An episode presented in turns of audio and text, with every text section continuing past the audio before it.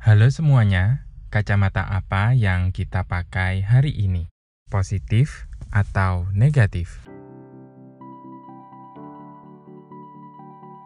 Hari ini saya mau menceritakan tentang suasana kerja sebuah percetakan teman saya di mana di kantornya ini ada yang namanya editor, juga ada yang namanya project manager.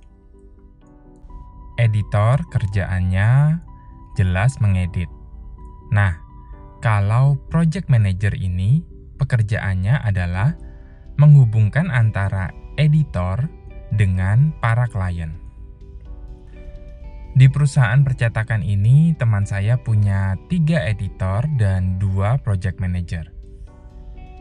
Editor ini mempunyai sifatnya masing-masing. Ya iyalah ya, kan setiap orang memiliki sifat yang beda ya. Sebut saja nama editor ini A, B, dan C. Si A kerjanya cukup bagus banget, orangnya on time, uh, seorang pekerja keras, juga attitude-nya bagus. Cuman kadang ia suka ribet masalah gaji, minta naik terus. Ya, tapi itu sepadan sih sebenarnya dengan pekerjaan yang ia lakukan dan dengan hasilnya. Oke, next kita ke editor yang bernama B.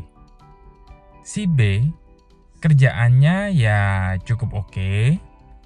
kadang bagus, kadang juga enggak. Kadang on time, kadang juga enggak on time. Kadang enggak masalah tentang gajinya yang ia dapat. Kadang ya menjadi masalah juga. Ia kadang juga minta naik kalau teman-temannya minta naik. Ya, si B ini tipe orang yang mengikuti arus, arus kantor lagi ke mana dia ikut. Ya, pokoknya si B ini ada di tengah-tengah. Nah, sekarang si C. Entah kenapa hampir di setiap perusahaan atau perkantoran ada nih orang yang kayak gini. Orang yang suka menyebarkan pengaruh negatif jadi, si C ini kalau pekerjaannya lagi naik, penghasilannya lagi banyak, happy dia. Tapi kesalahannya adalah ketika penghasilannya naik, gaya hidupnya ikut naik. Cicilannya juga nambah naik. Dan yang bikin ribet, kalau pekerjaan nggak terlalu rame, penghasilannya menurun, maka si editor C ini suka marah-marah. Kadang marah ke project manager, kadang marah ke atasan, semua dia marahin karena penghasilannya sedang menurun. Project manager sering banget dikata-katain sama si editor C ini kalau penghasilan si editor C ini lagi menurun. Si C bilang para project manager ini selalu ngasih kerjaan cuman ke si A sama si B. Kerjaan si C dikurangin.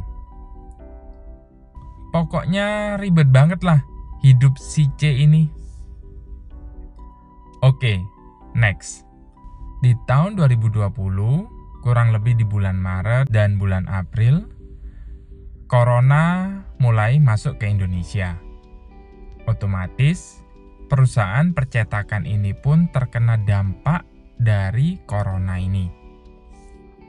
Dan perusahaan percetakan ini harus mengurangi karyawan. Dan salah satunya yang dikurangin adalah editor. Nah, menurut kalian, editor mana yang berada di urutan pertama untuk dipecat? Apakah yang A, atau yang B, atau yang C? Ya, tentu editor C inilah yang kena pecat pertama kali.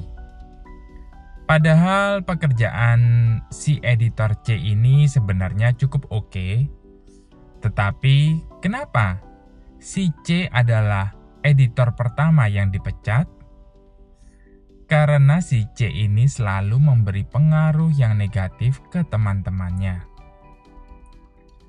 Dia suka marah-marah ke project manager, suka iri dengan sesama editor, emosinya sama sekali tidak stabil, dan ia tidak bisa mengendalikan dirinya dengan baik.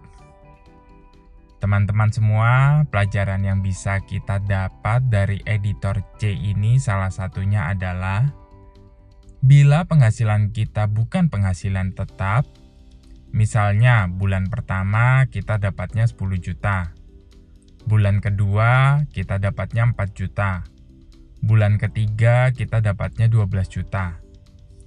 Ya, standar hidup kita jangan dinaikkan. Karena Nanti kalau penghasilan kita lagi menurun, kita sendiri yang akan ribet. Sebenarnya ini pesan sederhana sih dan kita semua sudah banyak yang sering dengar dan sudah tahu. Tapi kita sering lupa. Pelajaran yang kedua yang bisa kita dapat adalah belajar menghargai orang dan memberi pengaruh yang positif ke teman-teman di kantor. Jangan suka marah-marah dengan teman sesama karyawan karena ngerasa diri paling top di kantor. Atau karena merasa memiliki jabatan yang paling oke okay di kantor. Jangan juga sering menyebarkan toksik di kantor dengan ngajakin anak kantor demo, mogok kerja, dan manas-manasin pegawai lainnya untuk memprotes keputusan si bos. Nah, teman-teman, semoga apa yang si C lakukan ini tidak kita lakukan dalam kehidupan kita sehari-hari. Tetap gunakan kacamata yang positif dalam menyikapi hal-hal yang terjadi di sekitar kita, dan jadikan itu sebagai pembelajaran bagi kehidupan kita, supaya kehidupan kita lebih baik lagi nantinya. Terima kasih semuanya sudah mendengarkan podcast saya, dan sampai ketemu lagi.